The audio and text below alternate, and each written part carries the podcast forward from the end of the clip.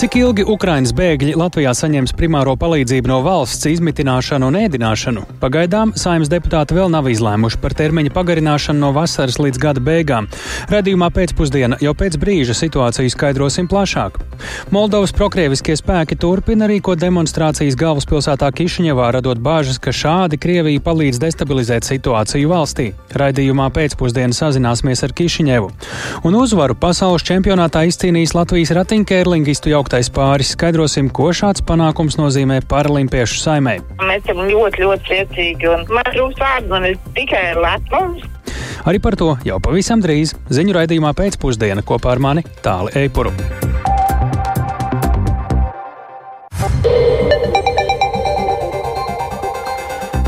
Sešpadsmit un piecas minūtes skan pēcpusdienas ziņu programma, skaidrojot šodienas svarīgus notikumus. Studijā Tālis Eipurs.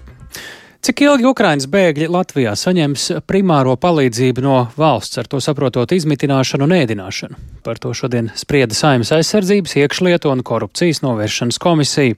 Pat labam termiņš atbalstam noteikts līdz 1. jūlijam, un par tā pagarināšanu deputāti vēl lems atsevišķi vēl pēc līdzšinējā palīdzības apjoma izvērtēšanas. Tā šodien lēma komisijas deputāti un vairāk Jāņa Kīņša sagatavotajā ierakstā.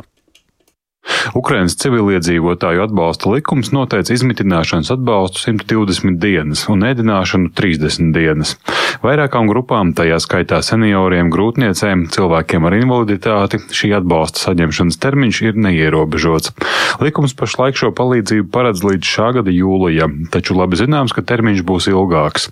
Tā kolēģi iesniegto priekšlikumu pagarināt palīdzības sniegšanas termiņu pamatoja deputāts Atis Švinka no progresīvajiem.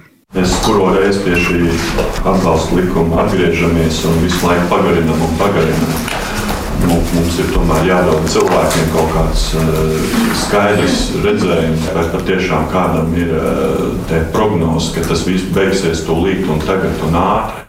Palīdzības sniegšanai no Ukrainas atbraukušajiem šā gada pirmajos sešos mēnešos valsts budžetā paredzēta 102 miljonu eiro, taču ar valdības lēmumu visam gadam ir paredzēta divkārt lielāka summa. Tuvākajā laikā plānots apzināt, kā šim nolūkam paredzētie līdzekļi izmantoti līdz šim. Turpina iekšlietu ministrijas valsts sekretāra vietnieks Jānis Bekmanis. Ja saima pieņem politisku lēmumu turpināt pagarināšanu līdz gada beigām, mums būs jāizdara vingrinājums, vēlreiz pārliecināties, vai pagājušā gada nogalē izdarītie aprēķini atbilst objektīvai situācijai. Esam uzrunājuši finanšu ministriju, nu, lai mēģinātu pārbaudu uztaisīt par tiem izdevumiem, cik ātri viņi tiek apgūti un vai sazīmējas kaut kādu ietaupījumu. Uzdodot iekšlietu ministrijai līdz 15. aprīlim sniegt šādu atzinumu un attiecīgi pielāgot nepieciešamos likuma grozījumus, Saimnes komisijas vairākums noraidīja priekšlikumu jau šonadēļ pagarināt palīdzības sniegšanas termiņu. Tātad lēmumu par to sekos maijā. Tomēr, kā uzskata biedrības gribu palīdzēt bēgļiem valdes locekla Linda Jākopsona Gabala, tas kārtējo reizi var būt novēloti. Piemēram, no Ukrainas atbēgušajiem sirglaviem nav iespēju Latvijā iesaistīties darba tirgu un, diemžēl, nav arī māju, kur atgriezties. Šiem cilvēkiem jau ātrāk vajadzētu nodrošinājumu par palīdzību Latvijā, nevis kārtējo reizi pēdējā brīdī. Šī ir ceturtā reize, kad mēs par to diskutējam. Ceturtā. Un mēs zinām, ka ir 2024. gada 4. marts, līdz kuram ir pagaida aizsardzības status. Jumts galvas ir nu, pamatlieta, kas mums ir jānodrošina. Jautājums, protams, ir, kā mēs to nodrošinām. Bet nu, arī šobrīd atbalsts 100 eiro mēnesī, vienalga, vai tā ir pašvaldība vai tas ir mājsaimniecība, pie kuras cilvēks joprojām dzīvo, nu nav milzīga summa. Vienlaikus komisija atbalstīšanai galīgajā lasījumā lēma virzīt veselības ministrijas sagatavotos priekšlikumus. Tie paredz līdz diviem gadiem pagarināt darba atļauju Latvijā no Ukrainas atbraukušajiem mediķiem. Šos likuma grozījumus saimnes skatīs jau 4. un 16. martā. Jānis Kincis, Latvijas radio. Turpinām raidījumu pēcpusdienā. Moldovas prokrieviskie spēki turpina organizēt demonstrācijas galvaspilsētā Kišiņevā, izskanot bažām, ka šādi Krievija palīdz destabilizēt situāciju valstī. Moldovas valdība gan ir apņēmības pilna riskus novērst, un savu eh, darbu dara arī drošības iestādes, kas ne tikai aiztura aizdomīgas personas protestos, bet arī šo destabilizējošo aktivitāšu plānotājus. Notiekošajam seko līdzi arī ārvalstīs, un šonadēļ par situāciju Moldovā debatēs arī Eiropas parlamentā. Plašāk Rihards Plūme. Saglabājoties spriedzēji Kišiņevas un Maskavas attiecībās, Moldovas prokrieviskā oligārha Ilana Šora partija pēdējo nedēļu laikā organizējusi vairākas demonstrācijas pret Kišiņevas prorietumniecisko valdību. Tajās piedalās daudz vecāka gadagājuma cilvēki. Daudz izsaka prokrievisko spēku izplatītu narratīvu, ka valdība valsti ved pretī konfliktam ar Krieviju. Un pastāv aizdomas, ka Šors cilvēkiem maksā naudu par dalību šajās demonstrācijās. Arī aizvadītajā svētdienā Kišiņevā ar pareizi pareizticīgo ikonām, valdību nosodošiem plakātiem un saukļiem un Moldovas karogiem pulcējās cilvēki. Prezidente Māja Sandu ir publiski atzinusi, ka Krievija cenšas destabilizēt valsti, un Moldāva žurnālisti Kišiņevā Diāna Popa uzskata, ka protesti tam ir apstiprinājums. Protesti notiek katru nedēļu vai dažreiz pat divas reizes nedēļā. Satraucošas bija ziņas par to, ka Kišiņevas lidostā tika aizturētas vairākas personas, kas atgriezās no Turcijas.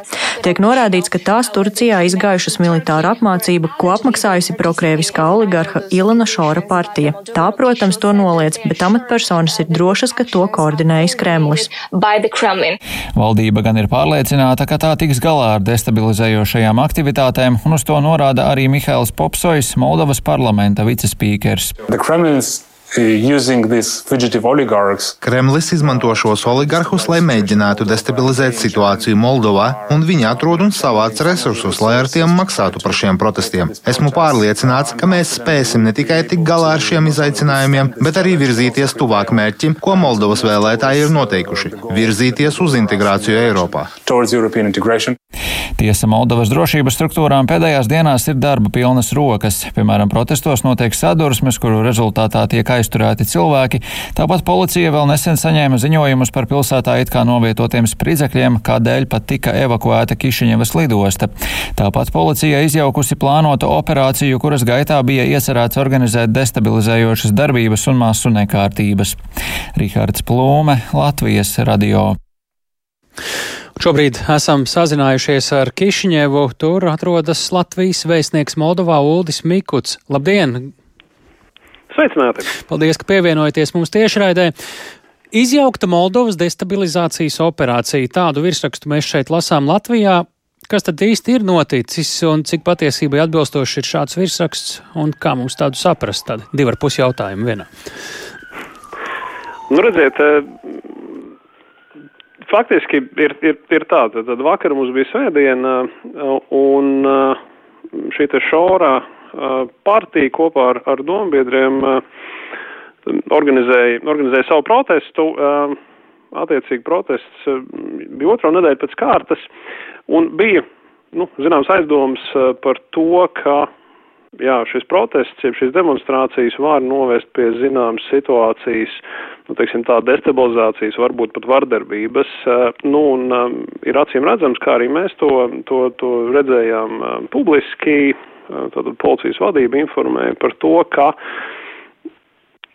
teiksim tā, pāris duču, um, pāris duču Um, aizdomīgi subjekti tika, tika aizturēti dienu vai pusdienu pirms šīm demonstrācijām. Tātad, nu, faktiski tika novērstas varbūt tās kaut kādas iespējamas provokācijas, iespējamas, uh, iespējams vārdarbības. Mm. Situācijas destabilizācija. Um, par kādu attīstības virzienu šobrīd tad ir lielākās bažas. Zināma vārdarbība ielās, to apspiež, viss beidzas, vai arī šeit ir bažas par ko lielāku, kas tiešām varētu būt drauds uh, kaut kādiem jau tuvāk valsts pamatu ieplaisāšanai. Nu, redziet, pirmkārt, jā, jāpaskatās uz kopējo kontekstu. Ir skaidrs, ka um, Moldova, Moldovas pašreizējā politiskā vara ir uh, absolūti skaidri proeiropeiska un uz reformu īstenošanu orientēta. Un šai, šai konkrētajai partijai, partijai PAS, ir 63 deputātu vietas no 101 parlamentā, tātad pārliecinoši vairākums. Un attiecīgi pārliecinoši tiek īstenota šī reforma un šī proeiropeiskā viņu programma. Uh, vienlaikus Tad tas, ko mēs redzam, mēs redzam arī Krievijas uh, vēlmi uh, dažādos veidos paturēt savu ietekmi Moldovā, jo nu, ir skaidrs, ka sabiedrība Viņa nav varbūt tik viennozīmīgi, viennozīmīgi proeiropeiska, bet viņa ir dažāda, salīdzinoši vai samērā sašķelta, bet Krievija vēl šo ietekmi turēt. Pēdējo nedēļu laikā redzējām nu, visnotaļ teiksim, tādus mēģinājumus turēt karstu tā saucamo publisko telpu. Gan dažādi Krievijas amatpersonu paziņojumi par antikrievisku noskaņojumu Moldovā, gan mm, arī, mm. arī, arī teiksim, dažādu veidu, varbūt citādi izaicinājumi. Tad tas viss ir šis te konteksts. Un lai arī tūlītēju kaut kādu militāru vai, vai citu veidu nopietnu draudu nav, protams, nekādu nevar izslēgt dažādas varbūt provokācijas, vēlmi um, pēc situācijas destabilizācijas, lai dotu, lai pirmkārt gatavotu sabiedrisko domu, Jā. ka pašreizējā vara ir, ir, ir slikta un, un, un tādā veidā uh, turpinātu ar Krievijai izdevīgu politiķu virzīšanu. Tas, ko jūs teicāt, vēl pavisam īsi mums maz laika ir atlicis, ka atbalsts ir pietiekami liels šobrīd Moldovas valdībai, par ko liecina socioloģija, jo, ja tas ir pietiekami liels, tad šie vienkārši ir tāda temperatūras uzturēšana, nevis reāls kaut kādas pārmaiņas var notikt valstī.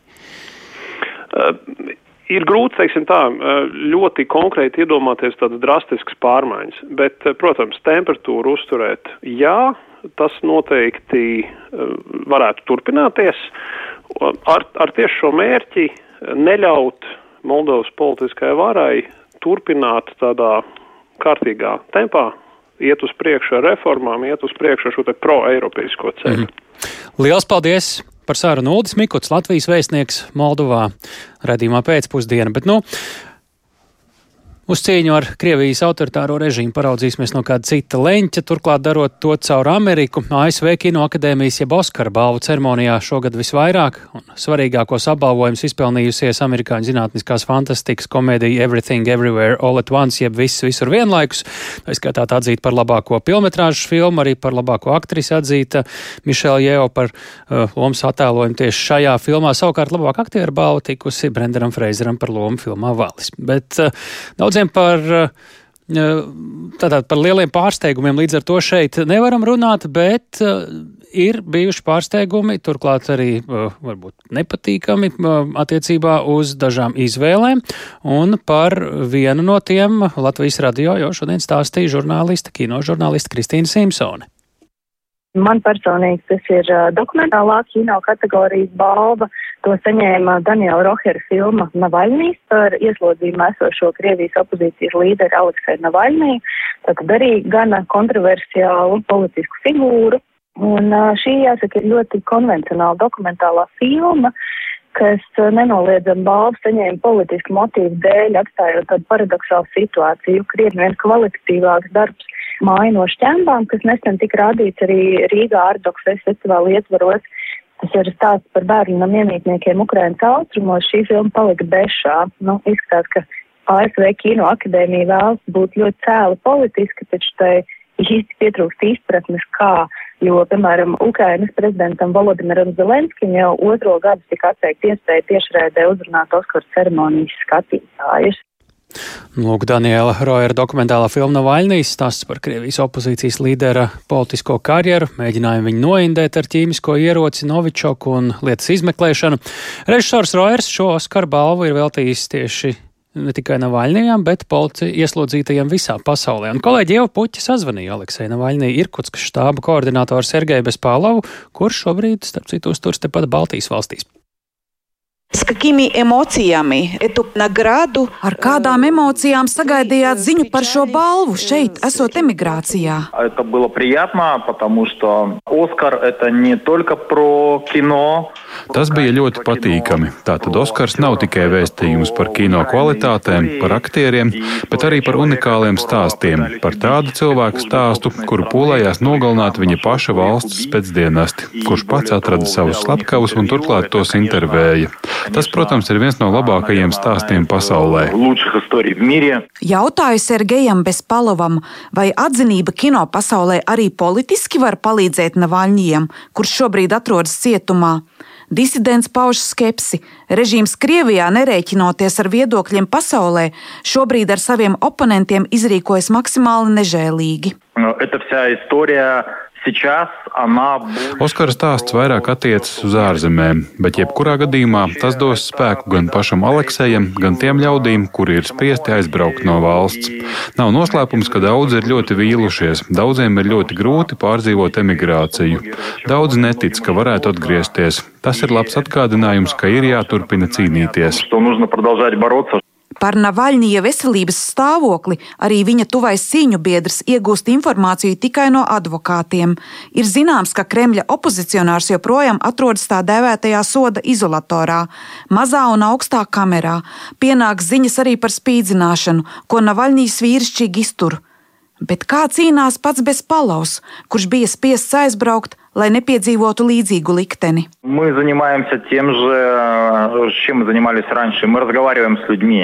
Mēs nodarbojamies ar to pašu, ar ko agrāk. Runājamies ar cilvēkiem. Kara sākumā propagandas dēļ daļa iedzīvotāji noticēja, ka karš Ukrainā tas ir tāds viegls piedzīvojums. Tagad uz Irkutsku un uz Burietiju straumēm plūst līķi. Vienas nedēļas laikā no mana reģiona Donbasā mirst tikpat daudz cilvēku kā astoņos Afganistānas kara gados. Man pašam ir četri bērni, visi dzīvo Krievijā.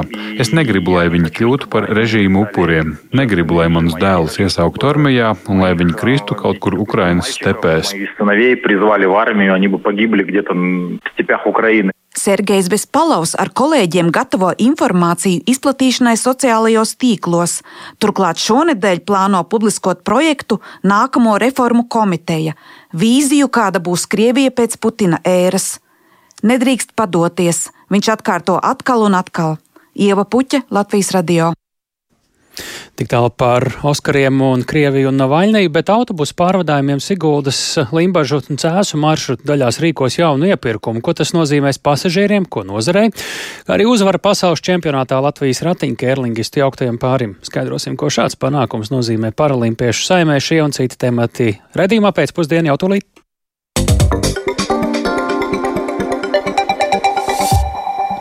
Šodien ASV federālo iestāžu kontrolē darbu atsāk pagājušajā nedēļā slēgtās Silicon Valley banka nodaļas. Finanšu uzraugi sola, ka maksāt nespēju pasludinājušās bankas klientu līdzekļi būs drošībā. ASV valdība arī apgalvo, ka neieguldīs nodokļu maksātāju līdzekļus Silicon Valley banka glābšanā, bet pēc notikušā Eiropas finanšu sektors pagaidām trauksmi neceļ. Turpina Uldis Česbergs. ASV finanšu sektors aizvadītās nedēļas beigās piedzīvoja pamatīgu satricinājumu, jo piekdien Kalifornijas finanšu aizsardzības departaments paziņoja par Silīcija ielējas bankas slēgšanu, lai aizsargātu tobrīd 16. lielākās ASV bankas noguldītājus, no kuriem vairums bija tehnoloģiju uzņēmumi. Finanšu uzraugi šādu soli spēra, lai apturētu masveidīgu līdzekļu izņemšanu no bankas, kas sākās pēc tam, kad aizdevējs paziņoja par nepieciešamību piesaistīt 2,25 miljardus dolāru, lai stabilizētu savu bilanci.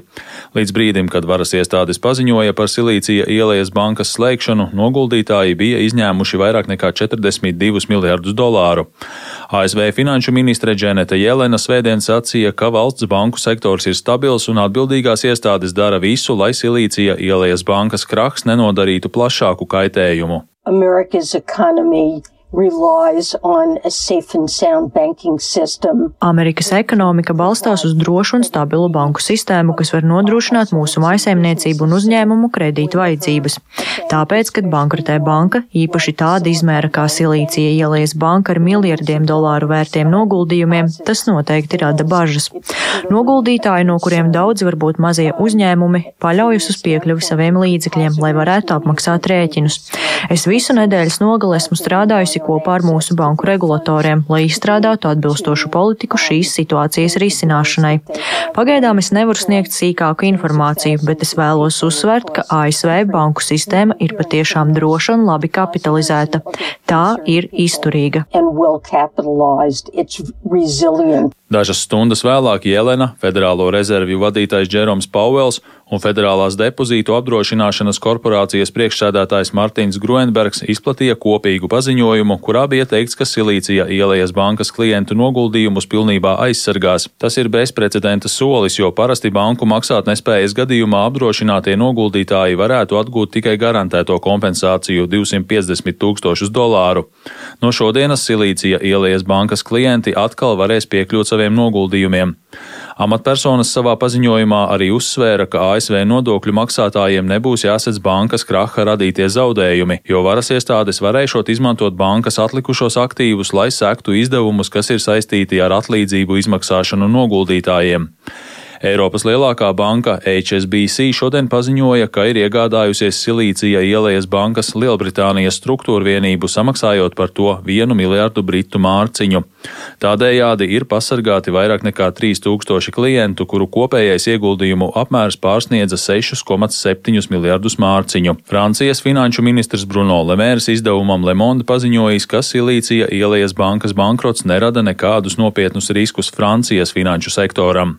Uldis Česberis, Latvijas radio. ASV prezidents Džo eh, Baidens eh, tikko arī esam saņēmuši viņa paziņojumu, ka uh, viņš uzskata par svarīgu pavēstīt, ka Savienoto valstu banku sistēma ir drošībā pēc bankas Silicon Valley Bank pēkšņās maksāt nespējas. Pie mūsu klausulas šobrīd investīcija banķieris Girts Rungainis. Labdien! Labdien! Mēs atceramies, ka arī labu laiku pēc vai līdz ar uh, Lehman Brothers krāhu 2008. gadā pasaulē vēl nu, ne, gluži neapjēdza, bet nebija uzreiz uh, skaidri saprotams, ka būs diezgan branga krīze. Tagad arī amerikāņi saka, ka mm, esam visi drošībā, uh, lai arī tas, kā ir jau fiksēts, ir otrais lielākais bankas krāks tieši pēc šī Lehman Brothers negadījuma. Toreiz tas iekustināja to smago krīzi pasaulē. Cik sistēmiski svarīgi tad ir šī kritusī ASV banka un cik līdz ar to nopietnas sekas var vai nevar būt tas sabrukšanai? Nu, šī banka, kā jau jūs uh, teicāt, bija 16. lielākā pirms uh, šo problēmu iestāšanās ASV, uh, kas nozīmē, ka viņa nav ļoti liela un, un netika uzskatīta par sistēmisku pirms tās problēmas sākuma. Bet tā pašā laikā viņa ir diezgan liela Un tieši Kalifornijā un tieši Silīcija ielējā un tieši riska kapitālistiem un, un um, investoriem un, un jaunu kompānijām uh, viņi ir ļoti būtiski tajā ekosistēmā. Jo ļoti daudz to kompāniju un fondu bija izvietojuši savus līdzekļus, un tas apdraud kā uh, saistītu lielu uh, šādu vāju, kad, teiksim, viegli ievainojumu kompāniju uh, kopu un tur ir tā varbūt lielākā problēma. Tas ir viens. Otrs ir tas, ka uh, tas uh, paceļ jautājums, izraisa jautājums kopumā par līdzīgu banku, mazu un vidēju banku spēju noturēties šī situācijā, kad strauji ceļās uh, procentu likums, jo tā gal galā ir problēma. Šeit nav krāpniecības, uh, šeit nav kaut kādi ārkārtēji zaudējumi. Banka ir visā visumā saimniekojusi ļoti saprātīgi, bet viņi ir veikusi ilgtermiņa ieguldījums ASV valdības obligācijās, kas neapšaubām simtprocentīgi drošas, bet tās obligācijas ir vidēji termiņi, un likuma celšanās ir novedusi pie tā, ka tirgus vērtība tām obligācijām ir kritusies. Ne, ne bet kritusies, pat cik tas kopumā tas ir atstājis lielu iespēju uz bankas kapitālu. Un, un par tām obligācijām pēc dažiem gadiem viņi saņems 100% šo obligāciju, kā saka, vērtības atpakaļ. Bet šobrīd šī vērtība tirgū tiek vērtēta zem tā nomināla. Un tas, tā kā, zināmā mērā, tas viss ir tie tādi papīra zaudējumi, kas izraisa šo problēmu. Bet, nu, neskatoties uz to, it sevišķi tāpēc, ka tur bija tik daudz cieši saistītu klientu, un viņi padeva informāciju savām saistītajām šīm riska kapitālistu savām kompānijām, caur kurām viņi investē, izmantojot šo silīcijas ielējas banku. Tad sākās um, strauji naudas skaitīšana prom un banka vienkārši nespēja tādos tempos uh, to kapitālu atbrīvot, un tie zaudējumi sāk pārvērsties no papīra zaudējumiem reālos zaudējumos. Mm -hmm. Un tas izraisīja, teikt, šo te situāciju. Mums Eiropā un uh, it sevišķi Baltijā un Latvijā kam nevajadzēs skart nekā, vai katrā ziņā tikai ļoti pastrapināti un ļoti attālos kaut kādos dīvainos efektos. Caur ko pastrapināti, vai to vēl tikai minēt var pagaidām? To var tikai pagaidām minēt. Nevar izslēgt, ka, protams, arī Eiropā kāds ir nopircis šīs bankas obligācijas, bet to nebija pārāk daudz un tam nevajag atstāt nekādu sistēmisku ietekmi. Tie ir zaudējumi, ar ko tām bankām Eiropā jau var tik galā. Iespējams, ka kāds sadarbojas vai kāds Latvijas jaunu uzņēmums, tā skaitā, ir saistīta ar kādu uzņēmumu, kas bija klients šajā bankā. Bet nu, par cik šobrīd jau ASV valdība ir paziņojusi, ka visi klienti simtprocentīgi atgūs visus noguldījumus šajā bankā, tad principā tā ir tāda, tāda, tāda īstermiņa aizķeršanās. Protams, ir vismaz vēl viena banka. Tā gan atšķirībā no Silcijas ielējas bankas bija saistīta ar kripto, kript, kripto aktīviem un, un tajā industrijā novērojamajām problēmām, kuras bija jau sen sagaidāmas un neizbēgamas. Uh, iespējams, ka tātad es saku šis iespējas uz citām vidēji un uh, ma maz izmēra bankām kaut kādā mērā būs. Bet ir skaidrs arī tas, ka šobrīd atkal tiek domāts, kādā veidā uh, paaugstināt kontroli, kuru tika nedaudz relaksēta Trumpa uh, administrācijas laikā bankām, lai viņas veiktu šos stresa testus un papildus gatavotos šādām situācijām. Bet skaidrs, ka tā uh, procentu likuma celšana pēc ļoti ilga perioda, kad likums bija ārkārtīgi zems vai pat negatīvs Eiropā. Um, nu, tad daudz ir aizmirsuši vai, vai neatcerās vispār tāds laiks un ir varbūt tiesim, tāds, likums, tāds zināms ie, iemaņas zudušas. Ja? Nā, jā. Un tas, tas, ko mēs šeit redzam. Uh, nu, ir vēl šis brītu atzars šai bankai, kuru HSBC banka ir uh, par uh, vienu mārciņu iegādājusies. Nu, mēs tikai Latvijā atceramies pareks stāstu. Ja, un, uh, šis nav pārāk tuvu Eiropai stāsts. Es domāju, ka nē. Vienkārši tā teikt, tā, dažādās jurisdikcijās skaidrs, ka HSBC izmantoja vienkārši lielisku iespēju pārņemt visādi kvalitatīvu bankas portfeli un kvalitatīvu klientu portfeli par super labu cenu. Un, principā, kaut kam līdzīgam vajadzēja notikt arī ASV. Nu, pagaidām nav skaidrs, varbūt vēl tuvākajās dienās mēs dzirdēsim, ka īstenībā kāda no lielajām Amerikas bankām vai kāda šo banku konsorcijas izlems pārņemt, jo klientūra tur ir ļoti laba. Un arī bankas aktīvi kopumā ir ļoti labi. Un šobrīd jau Federāla rezerves banka ir piedāvājusi risinājumu, ka viņi pārņem šīs te ASV uh, valsts obligācijas un zem viņām iedod uh, finansējumu, uh, kas, kas principā izkompensē pilnībā tos zaudējumus uh, īstermiņā. Uh, un ilgtermiņā viņi saņems naudu atpakaļ no, tā, no šīm obligācijām.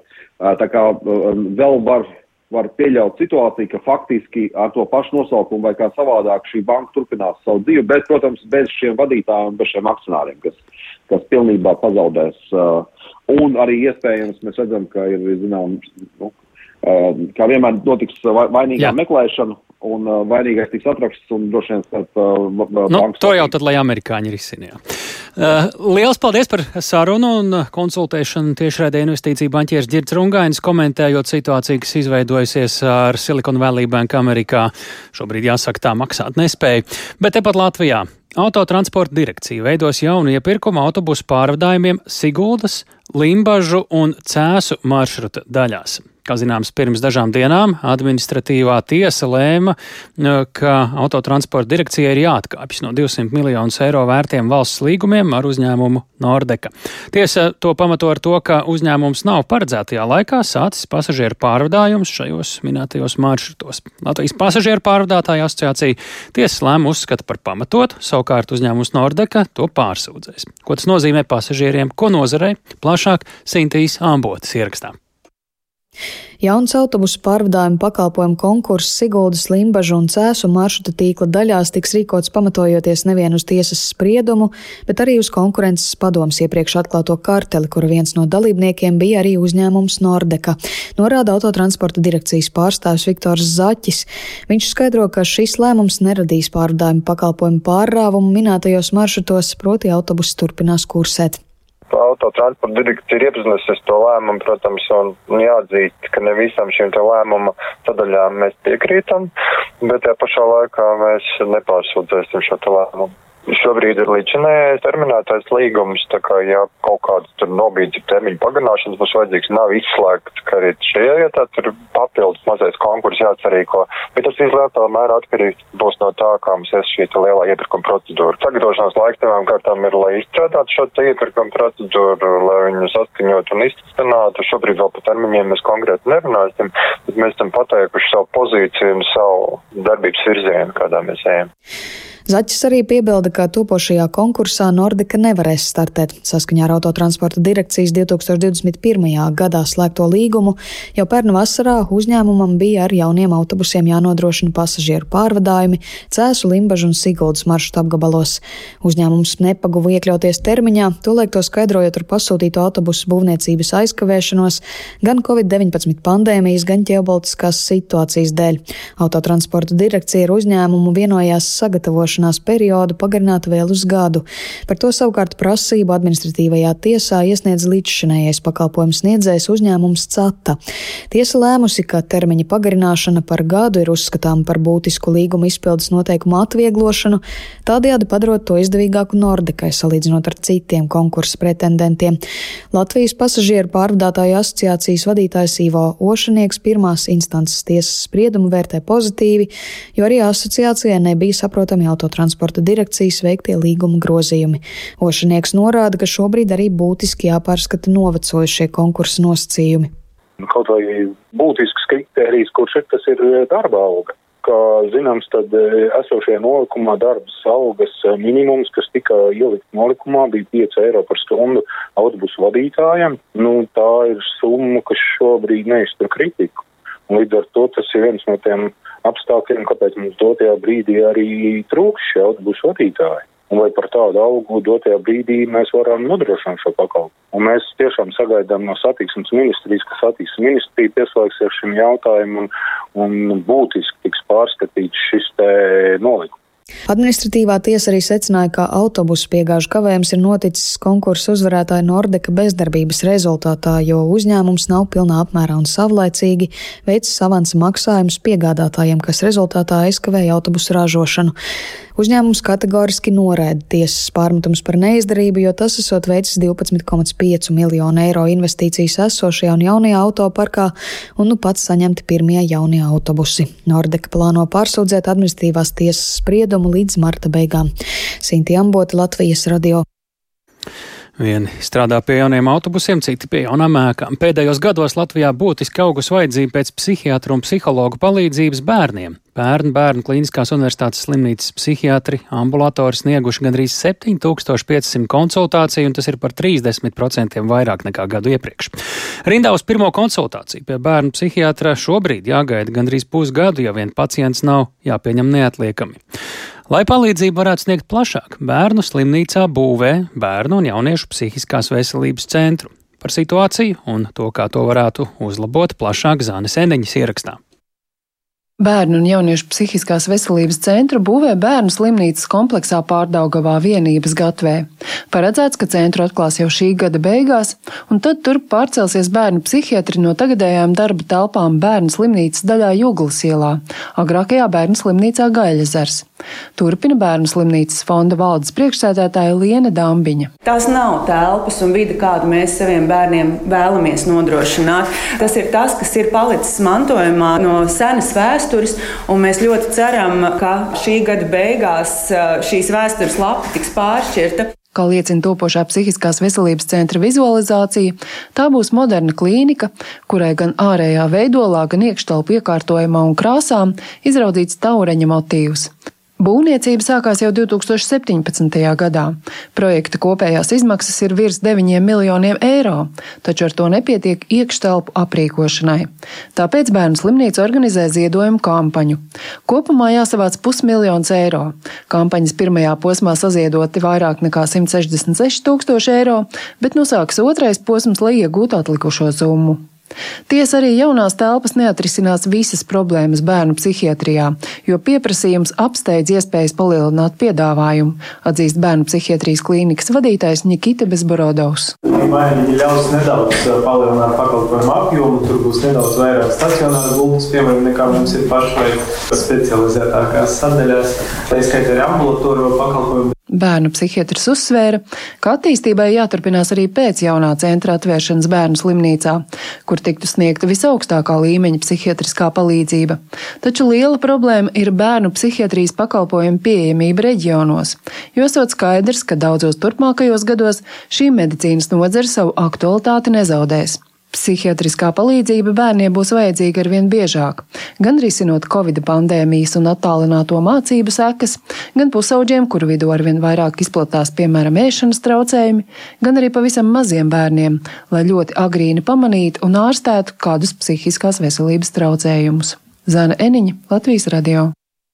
Ir ne tikai rūpju ziņas, mums ir arī ārkārtīgi priecīgas ziņas. Ar tām šorīt visu Latviju modināja Ratiņa, Kērlinga, Duets, Poļina Roškova un Agris Lasmans. Viņi Kanādā kļuvuši par pasaules čempioniem jauktajiem pāriem. Fināla mačā latvieši saspringtā. Cīņā uzveica ASV komandu ar 11 pret 8. Jaukto pāru disciplīna ir iekļauta arī Paralimpisko spēļu programmā, tāpēc šīs panākums ir ļoti nozīmīgs. Sportists ceļā uz spēlēm Itālijā 2026. gadā. Ko tad zelts pasaules čempionātā nozīmē Latvijas sportam, vai tam varbūt arī kādas tālākas pozitīvas sekas, zinot arī sasāpējušo infrastruktūras jautājumu, jau to daļu esam gatavi to noskaidrot sarunā ar kolēģi Mārtiņu Kļavinieku. Mārtiņa, sveiks, saka, cik tad nozīmīgs un vērā ņemams un varbūt arī ārkārtējs un negaidīts ir šis pasaules čempiona tituls mūsu ratiņu kerlingistiem. Jā, sveiks, tāls, sveicināt klausītāji. Nu, jāsaka tā, ka droši vien pārsteigums tas bija tiem, kuri pastiprināti neseko līdzi ratiņa kērlingam, un varbūt, ka pati disciplīna arī kādam bija jaunums, ka ir tādi jauktie pāri, bet, nu, tiešām Poļina Roškova un Agris Lasmans jau pagājušajā gadā piedalījās mm, pasaules čempionātā, izcīnīja piekto vietu. Tā bija tā Latvijas debija šajā konkrētajā disciplīnā. Tas bija pavisam neilgi pēc Pekinas ziemas paralimpiskajām spēlēm, kurā šie abi spēlētāji piedalījās arī Latvijas izlases sastāvā un mm, debitēja paralimpiskajā vidē. Nu, jā, līdz ar to var teikt, ka pamatakmens jau tā tika ielikts, ka rezultāti būs labi. Komanda trenējās, sparīgi trenējās un rekur arī rezultāti beigās. Es domāju, tas ir nu, tādu pietiekami smagu izlieto sviedru darba augļi. Tā konkurence, nu, mēs zinām, pēc olimpiskās sezonas varbūt kādreiz mēdz atslābt un klusāka nedaudz kļūt konkurences un kādreiz vieglāk mēdz būt uzvarēt tādos čempionātos. Vai arī šis nav tas stāsts? Iespējams, jā šis ir pēc paralimpiskais gads, bet tomēr nebūtu konkurence nebija tā vieglākā. Kopumā piedalījās 19 valstu komandas šajā konkrētajā disciplīnā jauktajiem pāriem un varēja pat būt 20 vai vēl vairāk, bet, kā atzina Latvijas Kērlinga asociācijas vadība, tad tur dažas eh, vājākās izlases, tieši vājākās izlases neieradās, jo tur ceļš pietiekami sarežģīts un viņi varbūt apzinājās arī savas iespējas eh, kopumā šajā čempionātā, bet tiešām visi labākie bija tur tie, kuri um, vislabāk spēlē ratiņu kēliņu tieši šajā formātā, un tāpēc nu, tādējādi nekādi nevar noniecināt šo panākumu. Tas ir visaugstākās raudzes panākums pasaules čempionu tituls. Jā, šāds komentārs to zeltu padara spožāku. Nu, Kērlinga tradīcijas Latvijā nav gluži bērnu autiņos.